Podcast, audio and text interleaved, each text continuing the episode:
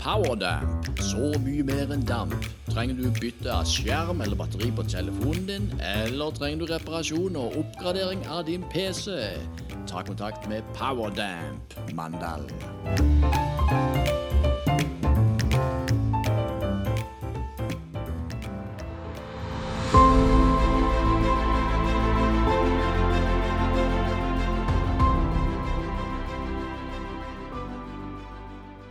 Ja, En skjærgårdsprat eh, av dimensjoner som jeg har sett fram til i lang lang tid. Vi har pratet om han òg i lang lang tid, faktisk talt. Bjørn Charles Dreyer, velkommen til skjærgårdspraten. Takk. Jeg kjenner faktisk alt at nå, nå er jeg litt, jeg er mer nervøs nå enn etter vanlig. Oh. Men jeg tror det er fordi at jeg kjenner det så godt. Ikke sant? Og så kommer jeg inn i et sånt format hvor det skal være litt sånn strigla. Ja. Men så må jeg bare minne meg sjøl på hva som er eh, konseptet her. Dette er jo en skjærgårdsprat Ja. eh, hvor livet er rammen. Så det er jo ikke så farlig. ja. Nei, nå ble, ble jeg nesten nervøs. Jeg var i utgangspunktet ganske avslappa nå, for det var akkurat det som var meninga. Ja, ja, Og så sier du Det, nei, det er null stress. Du, vi skal, jo, vi skal jo prate litt om livet. Skal jeg bare sånn eh, plassere det? Eh, du, er jo, du er jo stadig vekk aktuell, og ufattelig mange mennesker i dette landet. Du er nok kanskje den gjesten eh, som eh, når vi name-dropper Bjørn Charles Dreyer, at, det at flest mennesker vil si at det navnet har jeg hørt før. Eller det navnet har jeg lest. OK. Eh, og det er jo ikke så veldig rart, eh, for du er jo eh, På nettet, når, når jeg liksom googler det, det er jo litt spesielt å google en kompis. Det har jeg aldri gjort før. Men da eh, fant jeg liksom at eh, veld, flere ganger så gikk det igjen session-gitarist. Ja. Det går jeg ut ifra er en slags sånn musikalsk slang på studiomusikere, eh, Ja. noe sånt. ja, stemmer det. Og du har medvirka på kolossalt med album, og derfor tror jeg kanskje at utrolig mange mennesker har hørt det navnet ditt. Ja. Eh, jeg lurer på om det var snakk om eh, 200 plater? Plateutgivelse? Ja, Oppimot er det vel. Ja. Jeg, tror, jeg vet ikke om jeg har bikka 200. Men Ja. Og, jeg det, slutta å telle på til 150. ja. Ja. Da, og da hadde du sånn en liste du skrev ned. eh. Ja, jeg prøvde å holde styr på det, men jeg mista oversikt. Det er nokså kule artister òg, egentlig. Ja, noen av de. Ja, det vil jeg si. Ja. Altså, bare for å ta noen sånn rett ifra hodet. Madrugada. Eh, en av mine aller største favoritter, som døde for et par år siden. Anne Grete Preus. Eh, Carola. Ja, tenk. Ja, Kirkekonsert med Carola. Ja. Ja, Det er vi nødt til å komme tilbake til, faktisk. Men eh, vi, vi, vi starter liksom litt sånn med livet. Så vi starter 18. se- september 1968. Generasjon X. Født midt inne i 68-generasjonen. Mm. Eh, og jeg googla den datoen for gøy, for å se om det var noe annet som skjedde. Noe annet spennende i tillegg til at Bjørn Charles Dreyer ble født. Eh, og det var det ikke. Det var utrolig eh, eh, historieløs da, egentlig. I, i Uka var ikke helt historieløs. Og var han ikke det? Nei, Noen dager i forveien så ble Hey Jude eh, eh, released. Eller Samme uka? Ja, Jøss. Ja, det, ja, det er jo faktisk Det var jo- for historiebøkene. antagelig. Ja. Ja. Eh, ellers så kan jeg bare meddele at eh, Jade eh, Pinkett Smith ble født den samme dagen som du. Oh. Dere er nøyaktig like gamle. Det er vel altså kona til Will Smith, hvis ikke jeg tar helt feil? ja, takk for det, for jeg vet jo ingenting sånn. Og så var eh, 18. september eh, 68 var på en onsdag. Jøss, hva du vet. Ja. Det visste jeg heller ikke. Utover det så eh, var det ikke spesielt eh, mye som skjedde. Nei. Men du ble født. Ja. Eh, og når jeg tenker på Bjørn Charles Reier, så tenker jeg eh, mandalitt eh, Litt sånn lokalpatriotisk òg. Eh, det skal vi òg komme litt tilbake til, for du holder på med noen nokså spennende lokale prosjekter. Eh, glad i skjærgården. Mm. Og du bruker naturen, du har brukt skjærgården, du har eh, brukt eh, Vesta Marin, eh, ærverdig båtbyggeri, eh, Marna-motor. Altså, det, det er mange sånn mandalske ting mm. eh, med det. Mhm. Men det hadde ikke trengt å vært sånn. Eller det hadde ikke trengt å blitt sånn. Nei. For du er ikke, du er ikke engang født i Mandal. Nei, nei, nei. Og ikke engang i nærheten. Nei, ganske langt unna, egentlig. Født i New York. Ja. Kan du fortelle litt om det? Long Island. Long Island, ja. Mm. Men, men nå, da må du hjelpe meg. Hva er Long Island? Ikke sant? New York. Er, er det altså øya? Er det, Det er sånn nei, det er Manhattan. Ja, og så har du Long Island, som er mer som boligområde, og så er det også, også fancy. Ja. Men eh, det var nok ikke, eh, det var ikke derfor jeg ble født der, fordi det var så fancy. Det var bare en tilfeldighet. Og så vokste jeg opp i Brooklyn. Og du vokste opp i Brooklyn? Ja, eller vil si, jeg vokste jo ikke opp en gang. Jeg var der i fem første leveårene, og så kom jeg til Norge. Ok, men fem første årene. Mm. Men, men da husker du eh, antageligvis noe fra ja, Veldig lite. Men jeg, jeg har hatt sånn tre episoder som jeg kan huske. Ja. Ja. Ja. Sånn, Tanta mi kom på besøk, Og så husker jeg at jeg, jeg tror min mor bare skulle ut med søpla eller noe. Og i mellomtida der så hadde jeg greid å så ringe Jeg tok telefonen, vi hadde sånne veggtelefoner. Ja. Og jeg var ikke høy nok til å komme opp til den, så jeg stabla opp noen stoler og noe greier. Og så gikk jeg til den, og så ringte jeg. Og så husker jeg ble skjelt ut i andre enden, og jeg var veldig redd. Oh. Og så prøvde jeg å late som ingenting når min mor kom opp, men hun skjønte jo at det var noe galt. ja, men har du noen gang fått svar på hvorfor du ble skjelt ut? Nei, det var vel noe med at eh, Nei, det har jeg egentlig aldri fått. Men jeg husker bare at det var ubehagelig. Ja. Eh, men når du snakker om mor, da er det altså biologisk eh, mamma? Eh, nei, egentlig ikke. Dette er min adoptivmor. Din Jeg ble, adop ja, jeg ble adoptert vekk ganske tidlig. Å ja, men da, Ja. men, men da Altså, nå, nå må du hjelpe meg. En lang historie kort så er det at jeg ble adoptert som liten. Jeg var født i USA av amerikanske foreldre, opphav. Mm. Og så hadde mitt, mine adoptivforeldre de var norske og bodde i USA på det tidspunktet Ai. og ønska seg barn. De kom, min mor kom fra Knaben, Yes. og så min far kom fra Nord-Norge. Ja. Ja. Så- OK, så de bodde i USA. Nå skjønner jeg. Ja. Så da fortsatte å- Men bodde de i New York? Bodde i Eh, Brooklyn. Brooklyn, ja. Der ja. alle andre Ja, så du flytta fra vestkanten i Long Island til Ja, altså Det var et sånt barnehjem, tror jeg, det var på, på Long Island. Ja. Og så, og så var det sykehus der, og ja. Så det var sånn, sånn, sånn så kom jeg fra Long Island. ja. Mm. Men det er nokså spennende, spennende opphav, egentlig. Vet du om eh, biologiske søsken? Ja, og. De, det har jeg ikke. Og du har ikke det? Nei, utrolig nok, fordi Nei. eh, begge foreldrene mine Min mor har vært gift eh, altså Nå snakker jeg om biologisk. Ja. Vært gift mange ganger, og, men ikke fått noen barn. Og ser du det? Ja, Og min far har også vært gift eh, og ikke fått noen barn. Nei. Nei. Ja. Og eh, kan jeg spørre om det? Lever de fremdeles?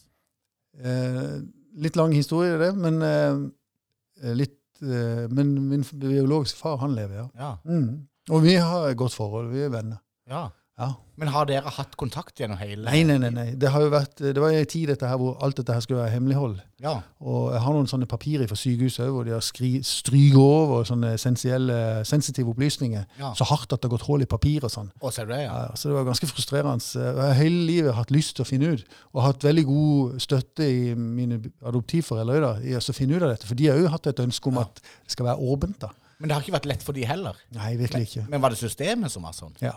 Ja. Men har du, har du da, eh, gikk du gjennom, eh, eh, kan du huske det, gikk du gjennom barne- og oppvekst og sånn, og lurte på om, om dine foreldre ikke ville ha kontakt? Eller? Herregud, jeg lurte jo på alt. Ja, selvfølgelig, jeg skjønner jo det. Men hvordan var det da du fikk kontakt med din biologiske far? Eh, det var først min biologiske mor som måtte til, for, for hun, og hun visste heldigvis hvem min far var. så, Ok, ja. så sånn falt de tingene på plass. Men det var jo en, det var veldig mye som falt på plass. Ja. Og, og, og de fant det ikke før jeg var 30 år gammel. Ja.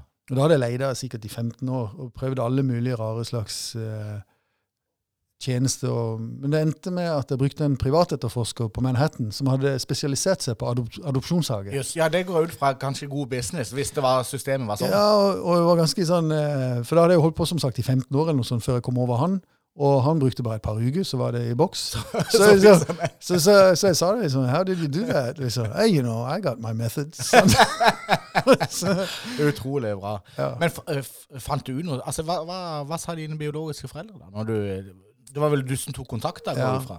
Em, jeg tror ikke jeg sier for mye, men at det var jo ikke bare enkelt. Selv om de hadde et sterkt ønske om at jeg skulle få oppfylt mitt ønske Ja. om å finne ut av det. Mm. Men så tror jeg samtidig det var jo- en bekymring der om at det kanskje plutselig så forsvant det. ikke sant? Så, Ja, så, selvfølgelig. Sånn, så de, de var jo engstelige for det. Men, eh, men begge deler, da. Så det var både fryd og gammen og, og, og litt skepsis, da. Eller ikke skepsis, men kanskje en engstelse for at jeg kanskje ikke ville ha de som adoptivforeldre lenger. Ikke sant? Altså, så mm, Men det var Men sånn for meg så var det veldig viktig, og det var veldig veldig mange brikker som falt på plass Ja. når jeg fant mitt biologiske opphav. For eksempel min mor var jo musiker.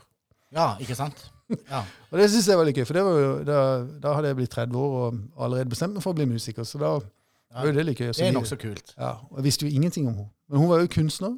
Ja. Og så var hun, eh, og så jobba hun med Så har hun jobba mye som eh, grafisk designer på Manhattan i nokså kjente magasiner. Og så Biologisk far min, han var skuespiller. Ja, jøss. Ja, ja, ja. Jeg skjønner det. Fallet, Og, og bodde i Los Angeles. Jøsses. Ja, Hollywood, rett og slett. Ja, eller si, han bodde vel egentlig i Pasadena. Ja. Og så, men, og man tenker jo på Hollywood med en gang man tenker på LA og skuespillere, men Ja. det var faktisk ikke det han drev med. Han drev med, noe som kan ligne mer på det som Harald Eia de holder på med her, med sånn improteater. Ah, kult. Så han drev- var regissør og hadde sitt eget sånn, eh, sin egen trupp, da. Yes. Som de eh, turnerte med, og som de òg spilte en del i Los Angeles, Los Angeles med. Men du har fått besøkt eh, disse? Ja, ja, ja, vi har hatt jevnlig kontakt siden. Har de vært i Norge? Altså, Min biologiske far har det, ja. Ja. ja. Men visste de hvor i verden du var tatt veien? Ble de noen gang gjort klar over eh, Nei, jeg tror eh, kanskje Nei, de, eh, nei, de gjorde jo ikke det. Så de var jo ganske uh, overraska over altså, de, Ja, en dude fra Norge. Altså, så, ja. Ja, det er spesielt. Men eh, dere flytta tilbake til, til Norge med Mm. dine adoptiv... Og, og kan bli mandag, for du sier eh, mamma fra Knaben? ja. Og, min far er jo fra Nord-Norge. Ja. Nei, eh, det vet jeg ikke. Det må du nesten spørre de om. Ja. Men eh, det vet jeg, jeg bare husker at de har fortalt at det sto mellom ei tomt i Sandnes Mm. ut Stavanger, og så i Mandal. Men så tror jeg det, altså En eller annen grunn så ble det Mandal. da. Og det er jo kanskje ikke så rart heller, når jeg tenker meg om når du ser det, ser det om i Mandal. Nei, Så ikke. det er mye finere Men, her. men det, det er jo helt vanvittig tilfeldig hvor li, altså, Ja. hvordan livet er. Ja. Eh, og du er jo et eh, levende eksempel på de tilfellene. Nå har du nevnt et par ting der med eh, adoptivforeldre fra Norge som bo, eh, var bosatt i USA. Og at det sto mellom ei tomt i Sandnes og Mandal. Mm. altså, og, og, og så er det så tilfeldig hva som kommer til å definere et helt liv. Også spesielt. Ja. Men åssen var oppveksten i Mandal, da? Det var helt nydelig. Var det beste vestkant? Var Sonum? Ja! Det er vel blitt beste Ja, vestkant. det er det. Var det ikke det i ungdomstida? Ja, vi så jo fall aldri på det som det. Men vi hadde det jo veldig fint der ute. Herregud. Ja. Ja, ja. Mm. Var du aktiv? Spørs hva du mener. Ja, altså var du sånn eh, all over the place? Ute i skauen og klatre? Ja, det var mye sånn uh, ute og leke, ja. Ja, ja, ja. Lagde hytte Cowboy-indianer. og Ja. Og så når det kom snø, så var det liksom eh, oppå den eh, lilleste, eh, minste sånn bakken du kunne Altså, Ja. du kunne bruke alt. Og så var det is. Ja, ja, ja. ja også på sånne miniski. Og så var det, var det eh, alltid is på, is på fjorden, om, på Sponga, om, om vinteren. Da gikk mye på skøyter. Det var dødsgøy. Men det er ikke så mye is der lenger. Nei, jeg vet ikke hvorfor, men uh, i hvert fall ikke Er det. klimaendringer? Altså? Kanskje. kanskje. Ja, ja. Men skole, skolemessig, var du en sånn flinkis elev? Jeg ser for meg at du, er liksom, du var liksom nerdete på skolen. Nei, ikke det. Ikke veldig. Ikke? Nei, men jeg var sånn midt på treet, tror jeg. Og sånn, eh, ganske god, Mm. men eh, jeg vet ikke, jeg var ikke lat heller. Jeg var definitivt ikke lat. Men det var mer bare at jeg var ikke sånn sinnssykt god heller. Nei. Ikke spesielt interessert, kanskje? Jo, jeg var for så vidt det. Men, men liksom, jeg, jeg var en sånn fire- og femmer-type. Ja, det er jo bra. Er det det, ja? Ja, ja, men nå, er nå skjønner jeg jo altså, dine preferanser nå. Du har en sønn som er eh, 18 år, eh, og han er jo eh, hakket over det igjen. Ja. Altså, det er vel stort sett seksere. Mange hakker over. Ja.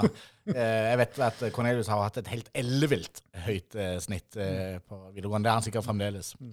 Eh, men ble, var det noe idrett med det i barndom? Ja, faktisk. Litt fotball. Og var det det, ja? det var en krise. ja det, det var ikke bra? Nei, jeg var jo, jeg forsto jo ikke de der reglene, men jeg, men jeg ga meg liksom ikke allikevel. Og så var det en gang vi skulle spille kamp, husker jeg, ute i idrettsparken. Og da var det nokså nytt for meg det der med idrettsparken, og så var svært. Og, så en eller annen jævla grunn så kom jeg for seint til den kampen, så jeg ble liksom kasta inn i den liksom ti minutter uti. Okay. Da hadde det jo allerede kommet masse folk der. ikke sant? Kampen var i gang, spillet var i gang. Og jeg ble kasta inn i spillet. Og så skjønte jeg jo faen ikke hvilken vei det gikk. og så visste jeg ikke helt hva jeg skulle gjøre. Og så fikk jeg ballen.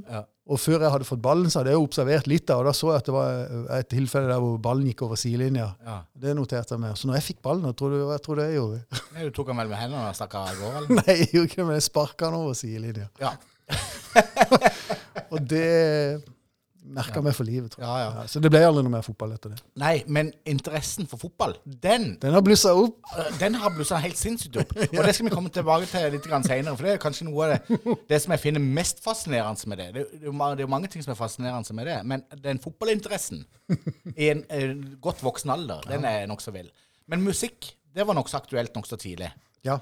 Eh, Og du forteller jo at eh, brikkene falt litt på plass når du fant ut hvem dine biologiske foreldre var. Og dine adoptivforeldre de var ikke eh, spesielt musikalske eller drev med musikk, eller Ikke, ikke på sånn nivå altså de, de var jo veldig glad i musikk, og det var jo gitar og trekkspill og sånn der hjemme. Ja. Men trekkspill er jo ikke det mest sånn aktuelle for en tenåring. Og, Nei. så hvis det skulle bli noe, så måtte det jo bli gitar, da. Så, så, men øh, det kom liksom Ja, Jeg vet ikke helt hvordan jeg oppdaga det, men da hadde jeg prøvd mye sport òg. For fotball var det ene da. Og så var jeg ganske god i svømming for øvrig. det må jeg bare si. si. ja. ja. På et eller annet tidspunkt så var jeg faktisk skolens beste og sånn. Og ser du det? Mhm. Så var varte kanskje ikke så veldig lenge, men det var i hvert fall Hva en periode. favorittøvelsen? Var det, var det, Nei, det var ikke- crawl, eller? Nei, jeg, ikke, Butterfly? så- nei, jeg hadde ikke teknikken så bra inne, men jeg, jeg var jævla god på bryst. Oh, ja. Ja. ja. Og så um, Gjorde du sånn vendinger under vann, da? Ja, ja, det, må, Ja, ja. ja, det, er jo, det er jo en selvfølge. Det gjør du fremdeles? Ja, ja. Så det, men, så var, men så var det musikken da som tok meg. ja. Fan, jeg prøver å huske hvordan det egentlig skjedde, da. Ja, det var iallfall litt sånn lyn fra himmelen. på Ja. vis, og så. Men hørte du mye musikk? Altså, var det noe som... Ikke før jeg liksom fikk tenning, da. Nei. Ja. Og så begynte du å klimpre for deg sjøl på gitar? Ja, ja. Var det rett i band? Nei, det var rett i gitarundervisning på Tonika. Å ja. Ja. ja. Og så eh, tror jeg må ha vært en pain in the ass for han, eh, han der eh, læreren jeg hadde. ja. Det var bare mas. Jeg skulle videre, jeg skulle videre. ikke sant? Og så hadde han det var sånn gruppeundervisning, da. ikke sant? Ja. Så, og så var jo så tror jeg nok jeg var, jeg var ganske sånn på hugget da, og, og litt sånn frampå. ja. Og så ble de som ble hengende etter, ikke sant? og skulle alle være, alle skal med, ikke sant? Da funker det jo ikke å ha en sånn som er inne i klassen. Nei. så, så, Og du tok det vel relativt kjapt, eh, vil jeg tro? Altså, du hadde ja, i den tida der så gjorde jeg det. Ja, ja. Eh, men så ble det noe band etter hvert. På Ja. den tida der, Man Mandal har jo vært kjent eh, i perioder for bandvirksomhet. Mm. Eh, og på 60-tallet Jeg har jo skrevet en del om Kjell Osberg i det siste. Ja, jeg så det. Ja, jeg var en eh, bauta innenfor konsertmiljøet. Og da hadde du jo noen band som Stratos, og du hadde noen eh, Og seinere òg så kom det jo mange band. Men åssen var ungdomsmiljøet på den tida der? Vil du snakke slutten av 70-tallet? Ja. Begynnelsen av 80-tallet? ja. Jeg var litt, litt på sida av det der, for jeg var eh, litt sånn jazzsnobb. Oh, ja. Ja, så da ramla jeg litt sånn eh, ja, da Sone begynte å bli ordentlig vestkant, og du eh, heiv deg på jeg, ikke, det- nei, jeg tror ikke det hadde så mye med det å gjøre, men det var nok mer bare det at jeg var, var litt sånn, kjørte mitt eget løp, altså. Så, men det var jo sykt mye bra rock og alt sånt som foregikk i byen da. Men jeg var liksom ikke på det Jeg var nok ikke interessert nok. Eller sånn, Jeg holdt på med mitt, da. Ja. Men åssen fikk du uttrykt det, da? Sa du på hjemme? på Ja, men det første bandet jeg var med i, det er jo egentlig helt koko altså, når du tenker på det. Men jeg var 13 år og begynte i Malmö Riverside Trad Jazz Band. Oi, oi, oi, oi, oi. Legendarisk ja. Riverside. Og, og da var jo de karer ganske unge, da. Men Ja. i forhold til meg, så var det jo Så kunne de vel ha vært faren min, alle sammen. Ja, ja. Men det var jo ganske spesielt å begynne der. Og, men det var samtidig en helt sinnssyk skole, da. På alle måter. De spiller ennå. Ja, De hadde jo 50-årsjubileum, Ja, ja. og, og jeg skulle så gjerne vært der. Uh, og jeg var invitert, men jeg kunne det. Jeg. Nei, nei, nei. Men det var det, Der begynte jeg. Ja. Og så begynte jeg, og så jo, spilte jeg i uh, danseorkester. Oi. Ja. Danseorkester. Ja, ja, ja. Det må du utdype. Ja, sånn, altså sånn svensk eh, Eller danseband. danseband. Ja. Ja. Men vi spilte jo show, uh, ganske gøy musikk. Altså, det var ikke sånn svensktopp, uh, hvis det er det du tenker på. Det var med han um, Albert Hagen. uh, Jupiter heter de. Oh, ja, ja, det har jeg hørt om, faktisk. Ja, ja, ja. Der var jeg med. Og Svein Lindeland. Svein Svein var han er det. Ja. Men Albert Hagen spilte han i den frakka i den tida. Han ble nokså kjent for det etter hvert. eh, Å, ja, nei, det har gått meg litt hus forbi. Ja. Det var iallfall ikke noe frakk da. Da var det mer sånne tynne 80-talls- eh, eller 50-talls slips, eh, og så hvite skjorter og, og hvite tennissokker i eh, svarte sko og sånn. Og, der, og hvor spilte han da, sånn typisk? Ja, Det husker jeg nesten ikke, men eh, vi var litt sånn rundt omkring i distriktet, og så var vi på Jeg mener, jeg husker at vi var vel Da het det Bondeheimen. Ja. Gjorde det ikke det? Der var redaktøren Ja, ja, Bondeheimen. ja, ja. Men når bestemte du deg for at eh, du skulle bli musiker? 14. Da var jeg 14. Og da, var du, da visste du at du Ja, ja, ja. bli musiker? Ja, ja. Og Fortalte du dette til eh, foreldrene dine? ja, ja, ja. Skulle jeg aldri gjort. Hva, hva sa de om det? For, eh, så, eh, for eh, eh, gamle Dreyer sjøl Ja, Trygve. Ja, Trygve Dreyer. Er Eh, det er vel en ordentlig sånn håndverksmann? Eh, Ja, ja. Arbeiderklassemann? Ja, ja. Og det er arbeid for alle pengene. ja. Og så Og så kommer sønnen og sier han skal bli musiker. ja, ja. Men han takler det fordi han eh, Så lenge du gjør, gjør det ordentlig, mm. så Men han arresterte meg flere ganger, f.eks. når jeg ble for dritings og useriøs. og Så sa han hva er det nå du holder på med? Liksom. Ja. Så um, fikk jeg høre det. Ja, ja, ja. Men du tok eh, gymnas... eh, het, eh, Ja, Det heter gymnas. Ja. Ikke gymnasium, eller eh, Nei, så ille var det ikke. Det var gym gymnas. Ja. Ja. ja. Og så for du på studiet. Ja. Hva begynte du å studere, da? Jeg, jeg, altså, på- på gymnaset tok jeg jo språklinje. Ja. Ja. Men eh, også begynte jeg eh, Jeg kom ikke rett inn på Musikkonservatoriet. Det gikk litt trått, faktisk. Ja, for det bestemte du òg for. Du skulle på Ja. konservatoriet. Ja. Så, måtte, så begynte jeg som hospitant, og så kom jeg inn etter hvert. Men musikkonservatoriet, lever det ennå? Eksisterer det konservatoriet? Ja, men nå er det sugd opp av universitetet. Ja, for det, Ja. det var liksom eh, sånn, Det er universitetsutdannelse, konservatorium, men det var kanskje eget. Ja, det var et sånt eget opplegg i Ja. den tida. Ja. Mm. Men da ble du eh, til, til slutt så kom du inn, Ja, ja. eh, og så tok du liksom eh, musikkutdannelse. Mm. Liksom. Ja, Jeg, jeg tar meg det sjøl, Ja, ja. liksom, for det, det er ikke et ordentlig yrke. Men er, jeg skjønner jo det. er jo det. ok. Ja. Men da ble du mu utdanna musiker òg. Mm. I tillegg til å være utøvende musiker, så var du utdanna musiker. ja. Og da begynte du å spille i diverse band. Ja, vi spilte veldig mye sånn eh, eh, på klubb og jam og, og sånn sammensatte konstellasjoner med vokalist i front som eh, hadde lyst til å synge sangene sine. Så, sånn, vi fikk veldig mye sånne oppdrag på dagen omtrent. ikke sant? Lær deg disse 15 sangene her, og så fremføre i kveld. Ok. Ja, sånn, Det var mye sånn. Åssen var det å bli kjent med Altså, du må bli kjent med ufattelig mange mennesker. Ja, ja. Eh, og så skal det være på en måte så er det mennesker ikke du kjenner fra før, men du er jo avhengig av en viss sånn dynamikk og harmoni. Og ja, ja, ja. Ikke alltid får man tid til å øve for mye. Mm. Er det å innta en sånn rolle? Jeg syns det var gøy. ja. Du likte det? Ja, ja, ja. Jeg elska det den gangen. Ja. Ja, ja. ja. Utfordrende? Ja, og så, ja, det var bånn pinne. Det var kanon. Og så var det veldig fin sånn kombo av, å studere, hvor det var egentlig veldig seriøst og veldig mye unyttig eh, informasjon som skulle inn. Mens du kunne kombinere mye av det òg med å, en sånn real life uh, experience med å spille ute om kvelden. da. Mm. Og så se hva som faktisk var virkeligheten. da. Så, så, sinnssykt fin kom, kombinasjon. da. Og i tillegg da bygge det nettverket som en fikk da, Blandinga av, av de folkene du gikk på skolen sammen med, eller på konservatoriet, og studerte sammen med, og de du spilte sammen med på kvelden. Og det var ofte de samme folkene. altså, det var ikke det. Men det var òg kanskje profesjonelle, utøvende musikere som var kommet forbi studiene, altså var ferdig. Altså, lærte jo så mye hele tida. Det var så gøy. altså. Det var jo mye fest òg, da. Så det var jo kanskje ikke, hvis man skal se veldig sånn fornuftig på det tilbake. Jo, men er ikke det en del av musikkindustrien at det liksom Man skal gjennom det, eller Ikke nå lenger. det? Ikke nå lenger. Er det blitt mer strømlinjeformer? Gud, og streit det er blitt. Er det det? ja, Er de unge folkene òg? ja, det Det er ikke noe rock'n'roll lenger. Nei, jeg syns ikke det.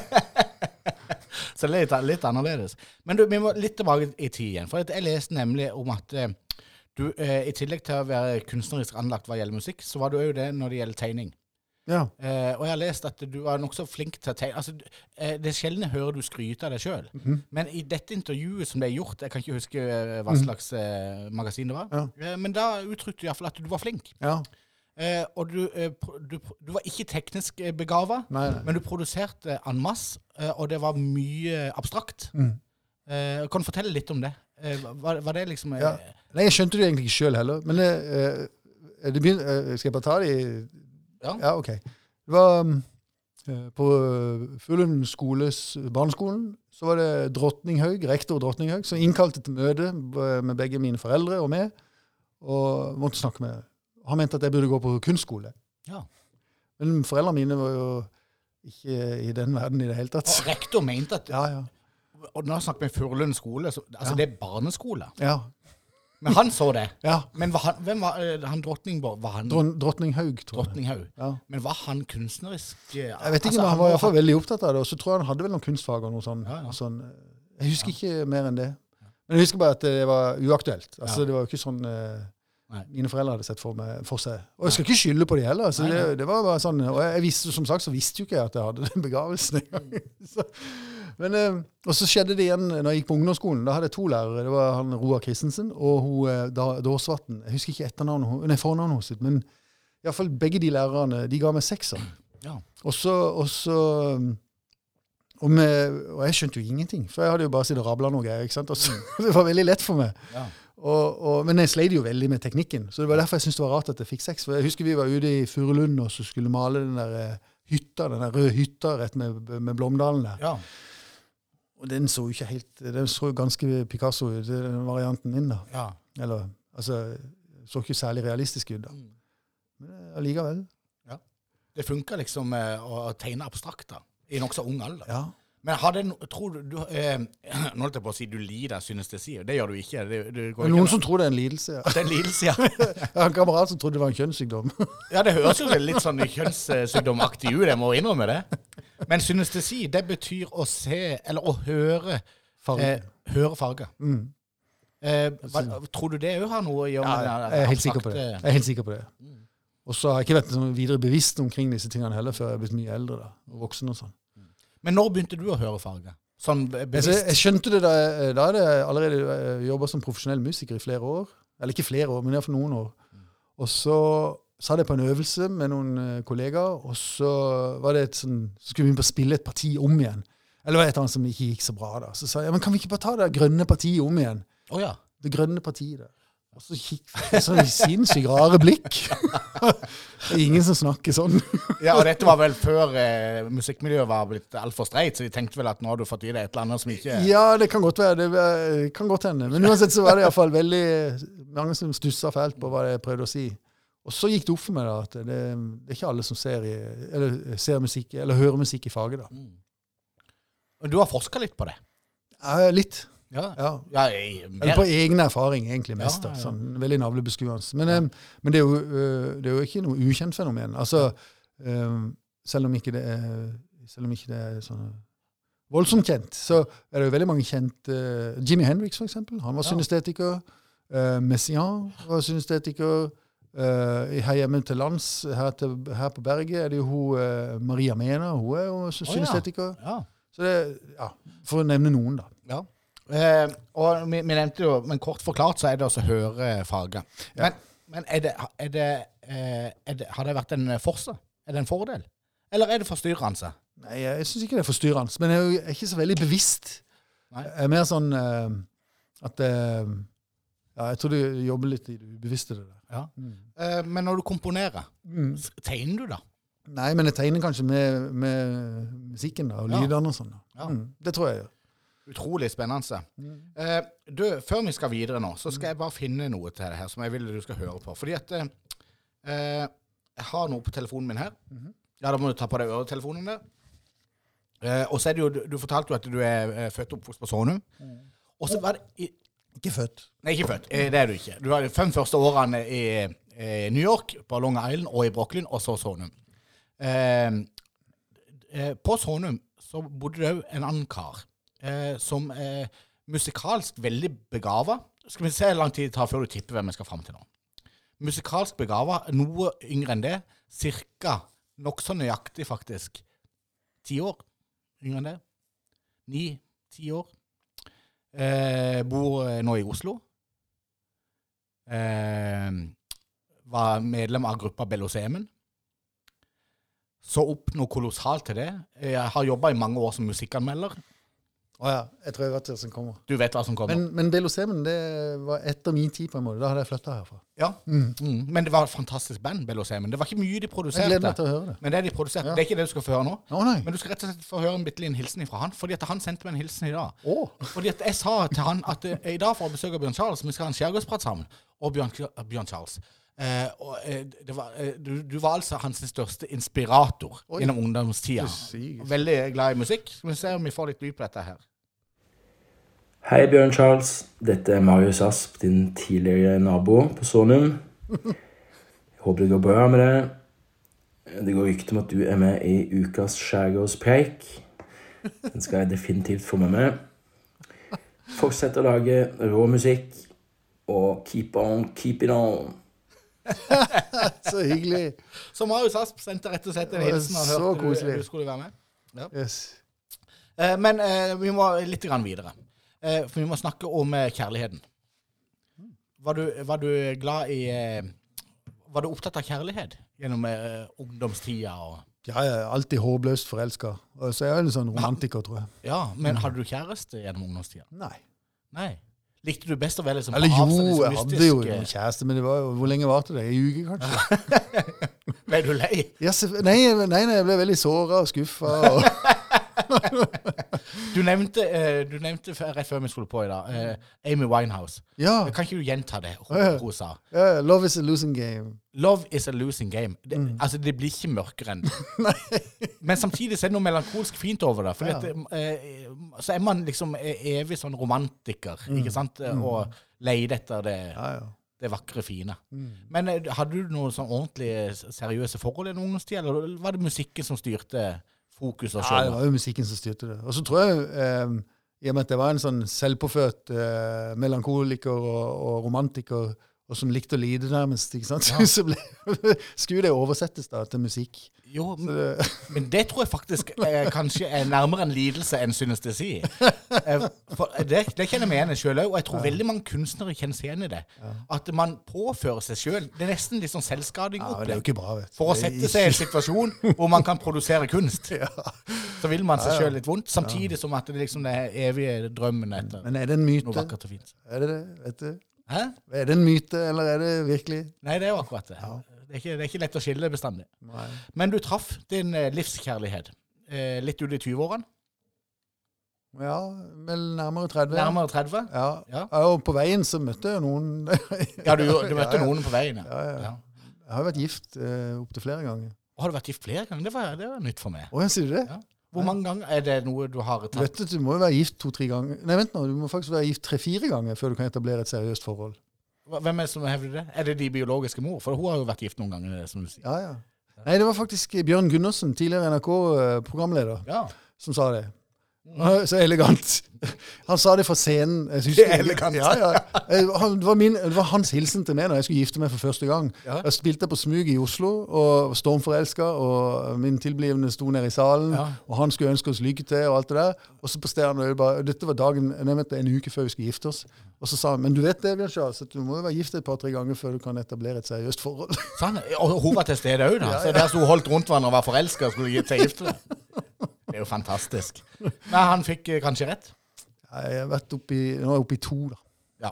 Men, eh, det var, men, altså, vi kan tøyse og tulle med det. Mm. Men eh, det var jo ikke akkurat helt sånn som jeg hadde sett for meg at det skulle bli med nummer to. Nei. Så da går vi jo nok inn i noe annet. Altså, det, var jo, det, det var ikke meninga at det skulle, det skulle rundes av, da, for å si det sånn. Nei.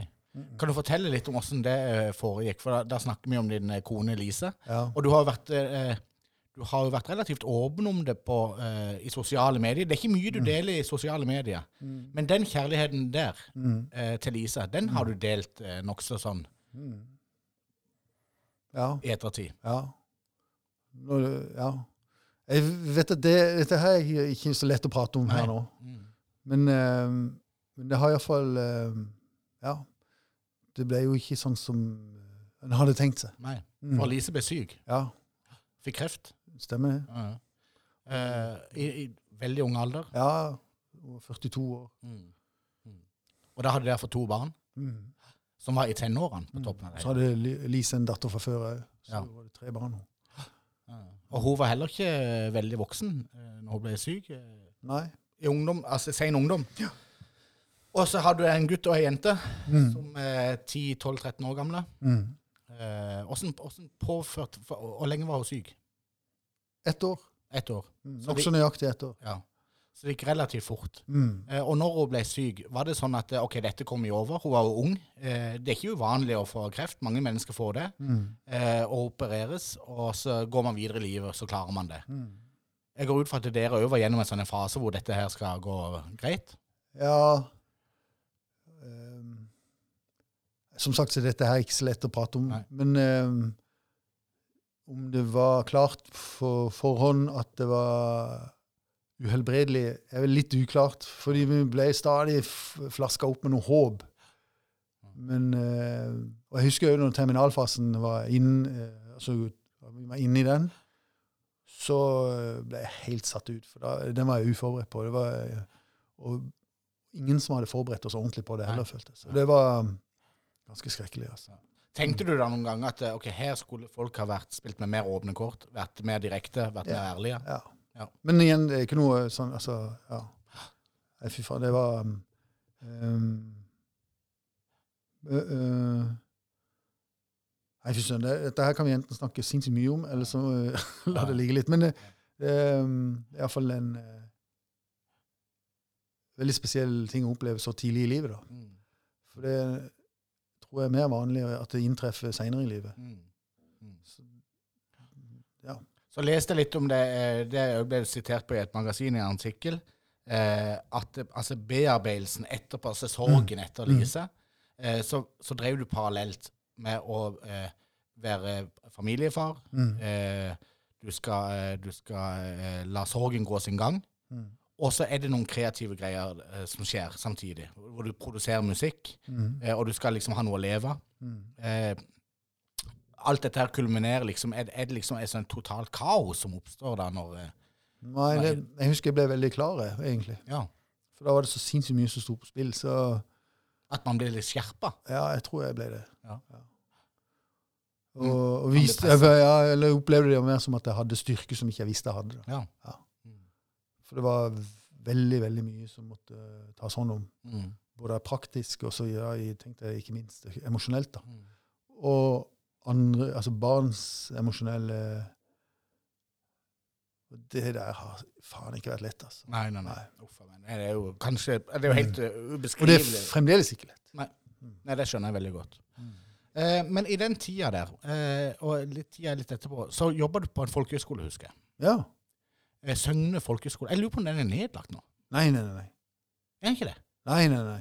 Uh, uh, Agder folkehøgskole. Agder folkehøyskole i Søgne. Nei, den tror jeg ikke er Og det- han lever ennå? Ja, det håper jeg, da. Ja, ja, ja. Eh, men den linja som du jobber på, den tror jeg er nedlagt. Altså, ja, Ja, men jeg tror de har prøvd å blåse liv i den igjen. Det kommer litt an på hvordan kullene ser ut fra år til år. Jeg husker jo dere var spilte på Sjøboden. Ja, ja, ja. ja.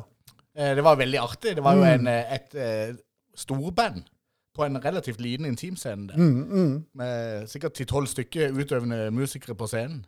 Åssen var det å jobbe med sånn type ungdom? Ja, akkurat den tida der så husker jeg det var veldig takknemlig jobb å ha. Ja. For det var uh, veldig fin sånn ting å, å gjøre i en sånn sorgprosess som jeg egentlig var i, da. Men så kunne henge med de uh, ungdommene Ja. og, og drive med musikk. Og, og så var det så nært hjemme og, og hadde liksom, ja, og nærhet til ungene. Mm. jeg husker det var veldig fint, egentlig. Det var en litt tilfeldighet at jeg havna der. For det, det var et vikariat. Og så sammenfalt det veldig med For jeg, hadde, jeg holdt jo egentlig på med doktorgrad. Men det ble for mektig eh, å, å sysle med når du var i en, i en sånn situasjon som jeg var. Så jeg måtte bare eh, ta permisjon fra den doktorgraden. Ja. Men samtidig så må man jo ha en inntekt. Så, så da kom dette vikariatet veldig beleilig. Og så var det supernice å kunne komme til Sjøboden og, og spille. Det var veldig kult. Ja, det var dødsgøy. Ja, ja, ja. Og de vokste jo veldig på det. Ja, ja, ja. ja. Eh, men eh, den fotballinteressen som ble vekka til liv eh, Ja. for, eh, Vi er litt sånn i samme område sånn eh, eh, i livet. Mm. Eh, det er etter Lise sin død. Eh, og hvis det, Nå kan du arrestere meg, men er, er, det, er det mye av din sønn Ja, ja, at den fotballinteressen oppsto? Det er utelukkende av han. Ja, fordi at da eh, ble du stående alene som alenepappa Mm. eh, med to barn, eh, og blant annet en sønn som var veldig interessert i fotball. Ja. Uh, og du uh, hadde ikke en spesiell interesse for fotball. Altså, Jeg var jo traumatisert til og med. du var traumatisert etter den opptredenen i idrettsparken Ja, i barndommen. ja. Og uh, ikke spesielt glad i å se på fotball heller. Nei, det var Av og til visste Jo, jeg hadde faktisk litt glede av det en, en og annen gang. Altså, jeg, ble dratt på Ullevål og så på noe uh, Norge mot. Altså, det var jo begredelige greier. Men uansett så var det jo Og så har jeg sett noen sånne store mesterskap, sånne finaler, da. Jeg har hatt stor glede av det. altså. Og, så, og da har de traumene sånn sett ikke dukka opp, Nei. så det har gått helt fint. Men eh, Cornelius, ja. Han, eh, Men du bestemte deg for at det, nå skulle du liksom eh, Skulle du følge opp han ekstra tett? Nei, det var nok mer Jeg, jeg tror ikke han var egentlig så keen på at jeg skulle være så Nei, interessert i fotball heller. Så var det nok noe, et sånn tafatt uh, forsøk fra min side om å være en kul far og litt Ja, sånn. ja. da. Altså. Men jeg ble oppriktig bitt altså, av Basil. Jeg syns det er kanongøy. Og Cornelius var jo fan av Bayern München. Det er han jo Yes. garantert fremdeles. Yes. Eh, og dere, ikke lenge etterpå eh, Lise sin død, så Mm. drar du og Cornelius på tur til München Ja, ja. for å se Bayern München. Ja, ja, ja. Og der har dere vært et par ganger senere òg. Mm, mm. Og du ble hekta. Ja, ja, ja. Fullstendig hekta. ja, ja, ja. Jeg husker en av de første gangene jeg var ute hos deg og så på fotball. Da var det såpass ferskt i fascinasjonen at jeg vet ikke hvordan du er i dag, men du var nokså usikker på den offside-regelen der. Ja, ja. Og da husker jeg Cornelius eh, var nokså oppgitt Ja, ja. Og, over de spørsmålene du stilte midt i en spennende kamp. ja. Han sa senest eh, til meg i var det for et par dager siden at eh, jeg skulle se fotball sammen med en kamerat. Han sa det, "Pa- men pappa, ikke begynn å snakke om fotball. Du har ikke peiling. Ja, det er utrolig bra. Altså, så, jeg, så jeg sliter jo fortsatt med den offside-regelen. Altså. Men hva var det med fotballen og Bayern München? og Hva var det som gjorde at du ble Ja, si det. det har nok mye bare med at, eh, at jeg ville Men er du sånn som type? Går du all in på ting? Er det litt sånn at når du først eh, Ja, jeg kan nok være litt sånn, ja. Ja. blir hooka på noe, så Ja. poff, går ja. du på? Ja. Ja. Så gjør det litt ordentlig. sånn. Men, jeg, men jeg, det er fremdeles svære hull i, i fotballkunnskapen min. men jeg har stor glede av å se eh, For det er noe med Jeg tror ikke jeg tar mye feil når jeg sier at det er ganske høy kvalitet på den fotballen jeg ser. Ja, det Sammenlignet med mye annet, for jeg har prøvd å se på noe annet nå. siste, bare Bayern, Bayern. München er jo Ja. Altså, du begynner jo på topp. Ja, det er det jeg tror. Så, så jeg syns det er noe fint med den presisjonen. og det er noe sånn der, Og, og at de alltid går for å få så mange mål som mulig. Ja. Istedenfor at eh, en hiver seg sånn forsvarsstilling, og så går resten av kampen liksom som daffe Ja. bare for å holde tett med mål. Liksom. Det er dritkjedelig. Og, eh, og em, jeg husker jo en gang du nevnte noe. Da ble jeg jo veldig fascinert. Tenk, eh, jeg har jo vært fascinert av fotball hele mitt liv. Altså så lenge jeg kan huske. Men jeg, har fremdeles ikke kommet til det punktet hvor jeg vurderer å ta kontakt med en europeisk storklubb for å høre hvordan de driver ungdomsarbeidet sitt. det gjorde jeg. Det gjorde du? Ja. Eh, Jeg, lurer, jeg, jeg, vet, jeg tror ikke det var Ajax, men det var vel Bayern München det òg? At du sendte mail eh, til Bayern München? ja, og ringte. Og, For du hadde en egeninteresse for å finne ut av ja, altså, ja, ja. og hadde jo et sånn idé om at kanskje Cornelius kunne gå der. Og, Ja. Ja, ja. Men fikk du svar? Ja, jeg gjorde det. Men, det- men det var jo eh, veldig vanskelig å få dette til. og sånn. Så jeg måtte begynne med å bare møte opp på treningene og så se litt og observere. og sånn da. Ja. Det kunne vi gjøre. Ja. Så det gjorde vi jo. Ja. Ja, ja. Fant du nokså kjapt en sånn favorittspiller i Bayern? Det vet jeg du jo. Ja, ja, jeg gjorde det. Men nå er jo ikke han der lenger. Ja, men du tenker på Lewandowski. Lewandowski? Ja, ja. Han går til Barcelona. Ja. Og en av de sine argeste europeiske utfordrere. Ja, ja, ja. Ikke sant? Ja, også, han gjorde det bra for Polen òg nå. da. Det synes jeg var litt, Ja, han gjorde det. Ja, Enn så lenge. da. Nå Ja. har det jo slutta. Ja, og det er vel kanskje slutt eh, for Lewandowski i VM nå. Han eh, begynner å dra på årene, tror jeg. Ja, han er Jeg husker ikke hvor gammel. 5-36 år, Ja, eller noe, noe noe sånt. sånt. Ja. Men eh, fotballinteressen, den, den består. Jeg synes det er noe det, altså, Jeg skal ikke skryte på meg altfor mye her, altså, men det er bare, jeg synes jeg, finner en sånn deilig avkobling som jeg har lengta etter, tror jeg. Sånn, det er noe digg å bare sitte og se fotball, altså. Og så Og så har, det- og så har du jo fulgt med på tysk fotball, som har eh, Ja, så blitt eh, kommentator fra Mandal. Ja, ikke sant? Ja, Eivind Sunde. Yes. Ja. Og nå har jeg jo møtt han òg.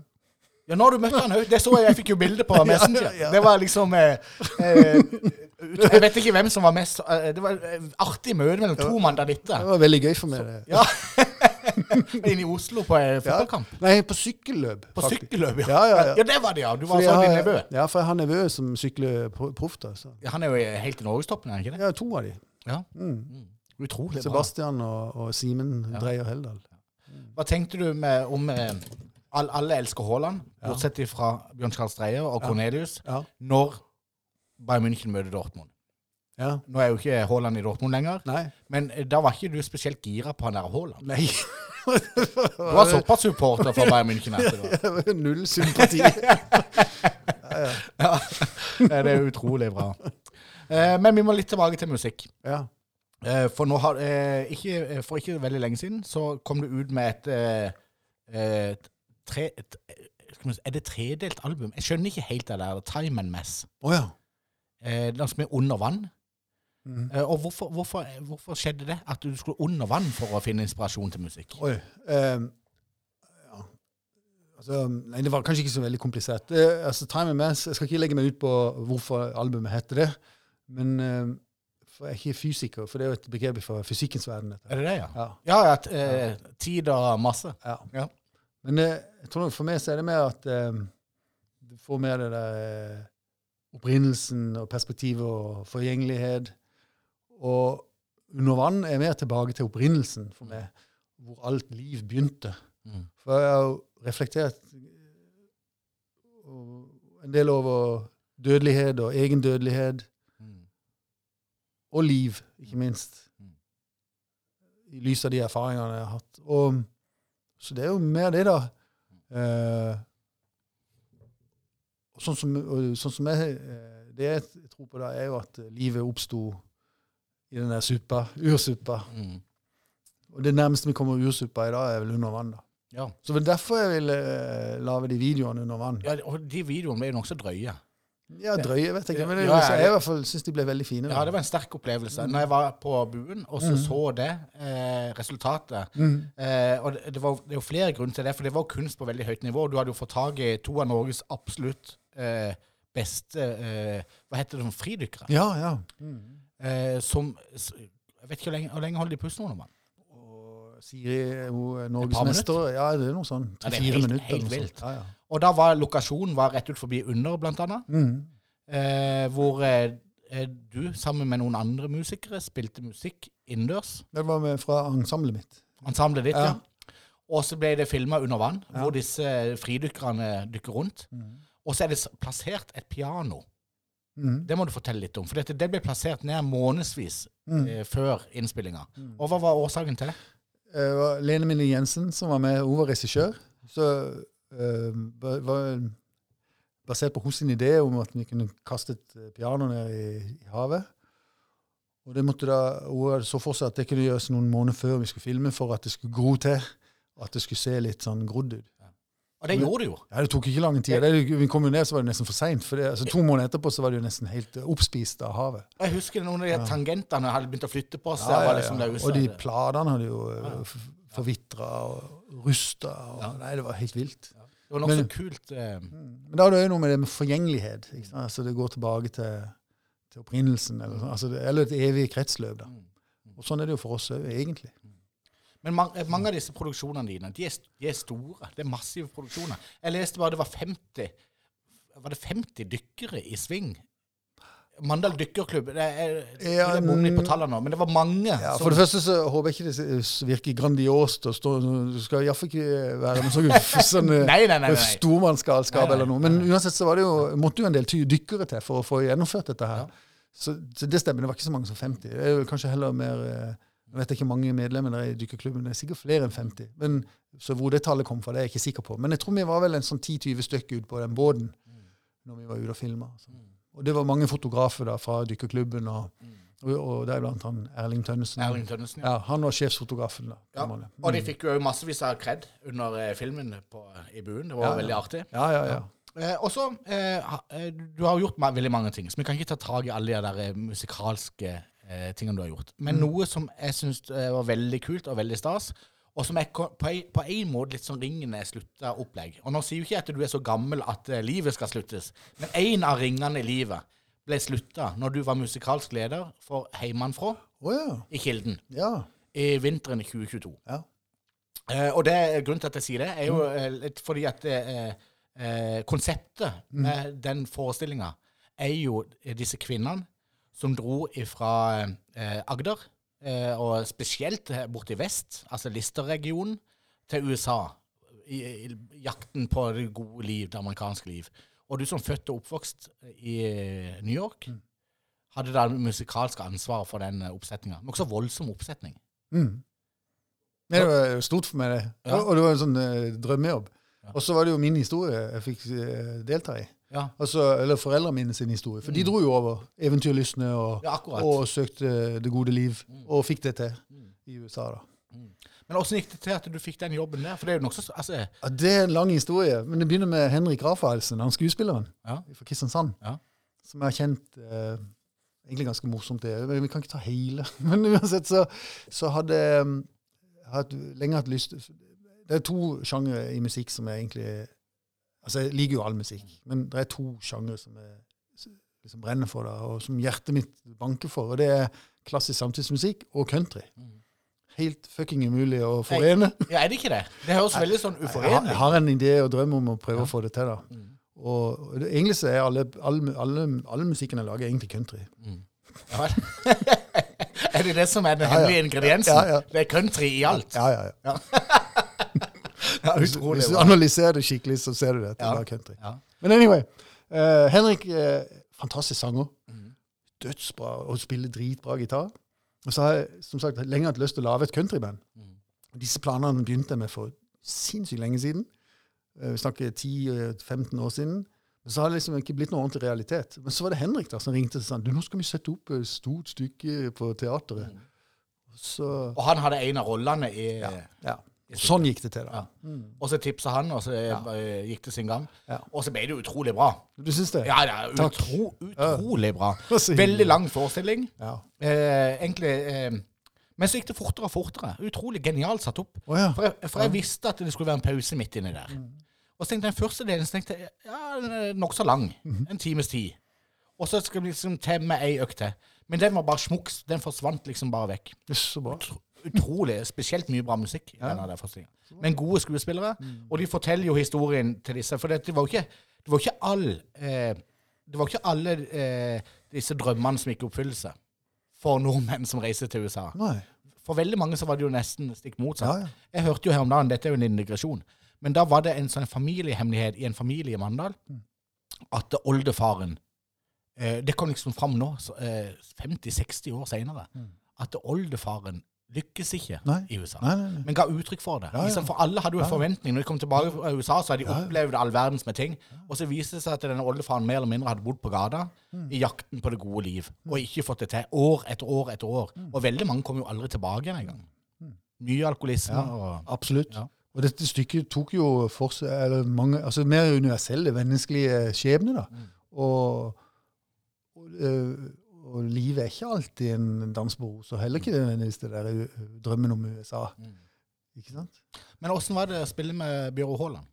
Det syns jeg var gøy. For Bjørn Haaland har jo en vesentlig rolle i den. Ja, ja, ja. ja. Eh, og det var veldig gøy å se på. Bjørn Haaland begynner jo å bli en, eh, en voksen mann. Ja.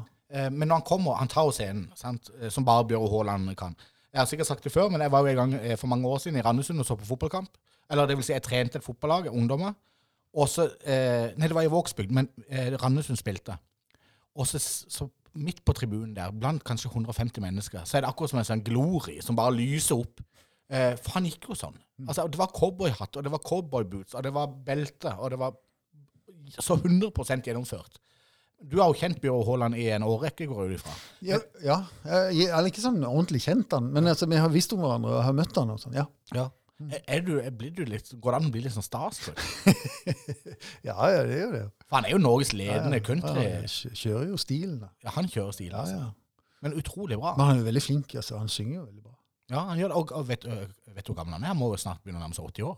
Ja, Han er vel 78 eller noe sånt. Ja. Så han er veldig sprek, da. Og så syns jeg det var veldig gøy med den forestillinga òg, for når han kommer og synger, Mm. så er det akkurat som han bryter på en måte litt opp forestillinga. Eh, for Han har jo en rolle i forestillinga, men så er det på en måte Bjørn Haaland-show. Ja, Så når han synger, så, er det akkurat som han holder konsert. Ja, ja. Og han har ikke lyst til å gå av. Nei? Nei, Mm. Folk har jo lyst til å reise seg og applaudere han, for han er jo legende. Og så har han lyst til å ta et ekstranummer, kan det virke som. Mm. Ja, ja. Var det nesten sånn at en følte liksom, nå har Bjørn lyst til å ta, Kan nok tenkes. kjøre en konsert? Kan nok tenkes.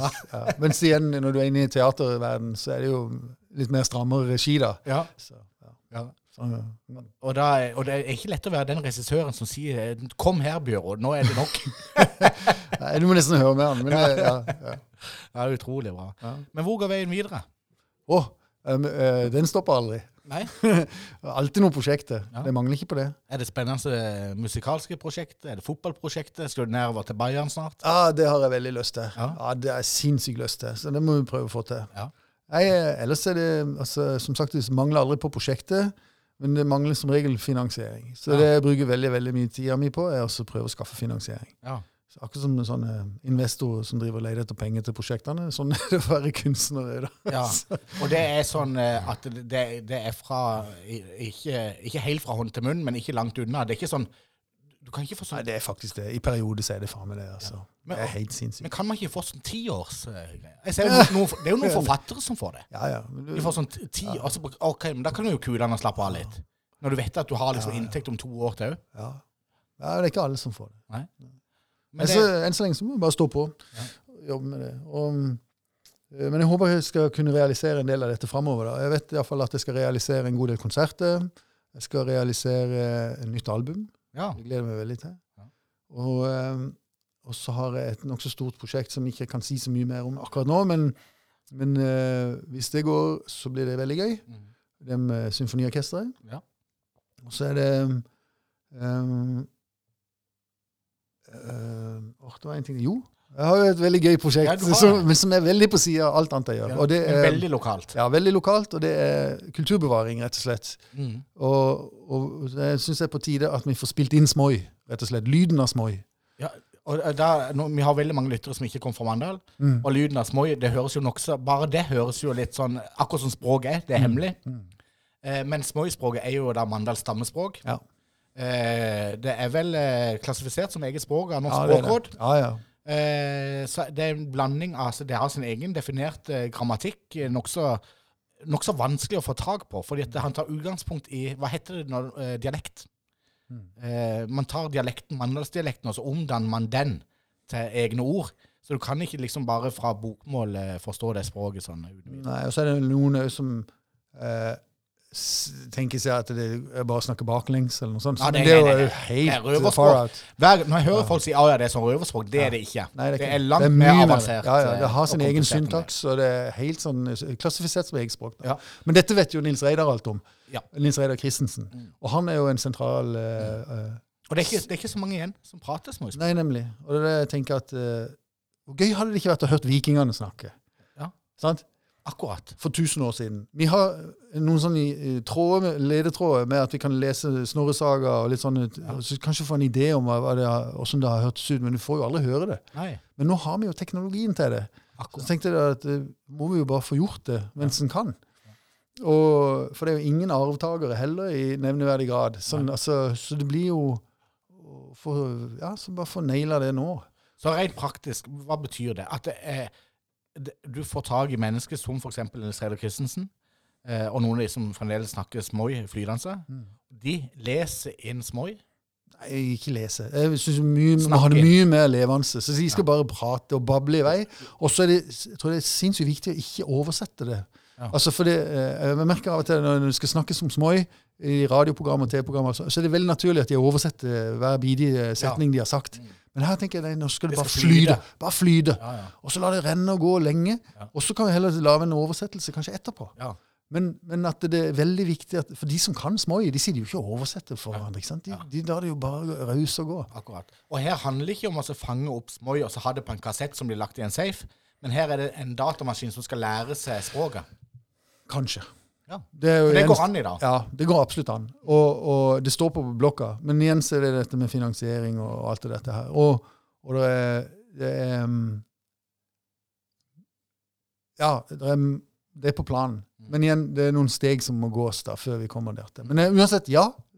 Dette er en del av planen. Men det er nokså omfattende arbeid. Ja, det er helt vilt. Det er helt vilt. Det er jo et av prosjektene du holder på med. Ja, så inni det samme prosjektet. Ja. Ja, ja, Nokså fascinerende. ja. Men disse applauderer det selvfølgelig, disse som eh, snakker smoi. At det, Bjørn Charles Dreyer kommer og sier vet du hva, vi må ta vare på dette språket. Ja, for jeg kan jo ikke smoi. Og, og, og jeg, jeg syns jo det er fascinerende sånn, og jeg vil jo kanskje prøve å lære meg litt, men, men jeg kommer jo aldri til å bli noen smoi-snakker. ikke sant? Eller Nei, keprenås. Keprenos. Ja, snakke sånn. Ja, ja, ja. Men uh, Ja, nå oversatte de. ja, det, det er jo sant. Det er jo det Ja. man gjør. Ja, det er akkurat det. det man, Skal man skal ikke det. Man skal bare flyte. Ja, ja. Jeg lurer på Og det er jo hemmelig. ja, han skulle hatt eh, Nils Reidar Christensen inne til sånn en eh, monolog. Ja. Eh, Smoi-monolog. Ja. Hvor du bare setter på rekorden, og så kan du ut og røyke, og så Ja. drikke litt kaffe, og så kan han bare prate. Keprenos. Ja, Eh, men dette har eh, staten omfavna, eller fylket. ja fylket har. Ja. Altså, så vi er steg én nå. Det er egentlig fire steg. Mhm. Så, og det blir bare dyrere og dyrere. Så. Ja, og mer og mer jobb. ja. Det er jo nokså krevende arbeid, vil jeg Ja, det er det, det er det. det tar noen timer. Ja. Men uansett, det er dritspennende. Og, og, og planen er veldig bra. Altså. Så, eh, så det, tanken er jo da, hoved, hovedtanken er lyden av Smoi. Og om 100 år til, hvis det er noen som lurer på hvordan det hørtes ut, så er det lett å finne ut det. Og om 1000 år til. Jeg ble litt sånn trigga når du sa det. Hadde det ikke vært kult å høre hvordan vikinger snakker? Ja. Og ikke bare, ikke bare sånn tullesnakk. Ikke sånn tullevikingsnakk. En eller annen professor som har lært seg noen ord. Nei. Men åssen Ja. Hva er det de prater med Ja, for det er noen sier nå, ja, men det er bare å høre på islendinger. islendinger altså. Det er jo ikke det, fordi at det er tusen år med utvikling. Ja, ja, ja. Men vi vet jo det, bare som mandagsdialekten har utvikla seg de siste ti årene. Veldig mye. Ja, ikke sant? Veldig mye. Nils Reidar er en av de siste menneskene igjen i Mandal som sier eh, Som snakker ordentlig ja, i Mandal? ja, Ja. Og han legger vekt på det, så han sier sjel. Ja. Ja, ja. Istedenfor meg sjøl, Ja. så sier han med sjel. ja, ja, ja. Det er ikke så mange som sier det lenger. Jeg er jo helt ute. Jeg snakker jo ikke ordentlig mandalsdialekt i hele tatt. Nei, nei, nei. Skammelig. Ja. Eh, og romantikeren eh, Bjørn Kjærsteier, hvor stikker han ut på nye eventyr?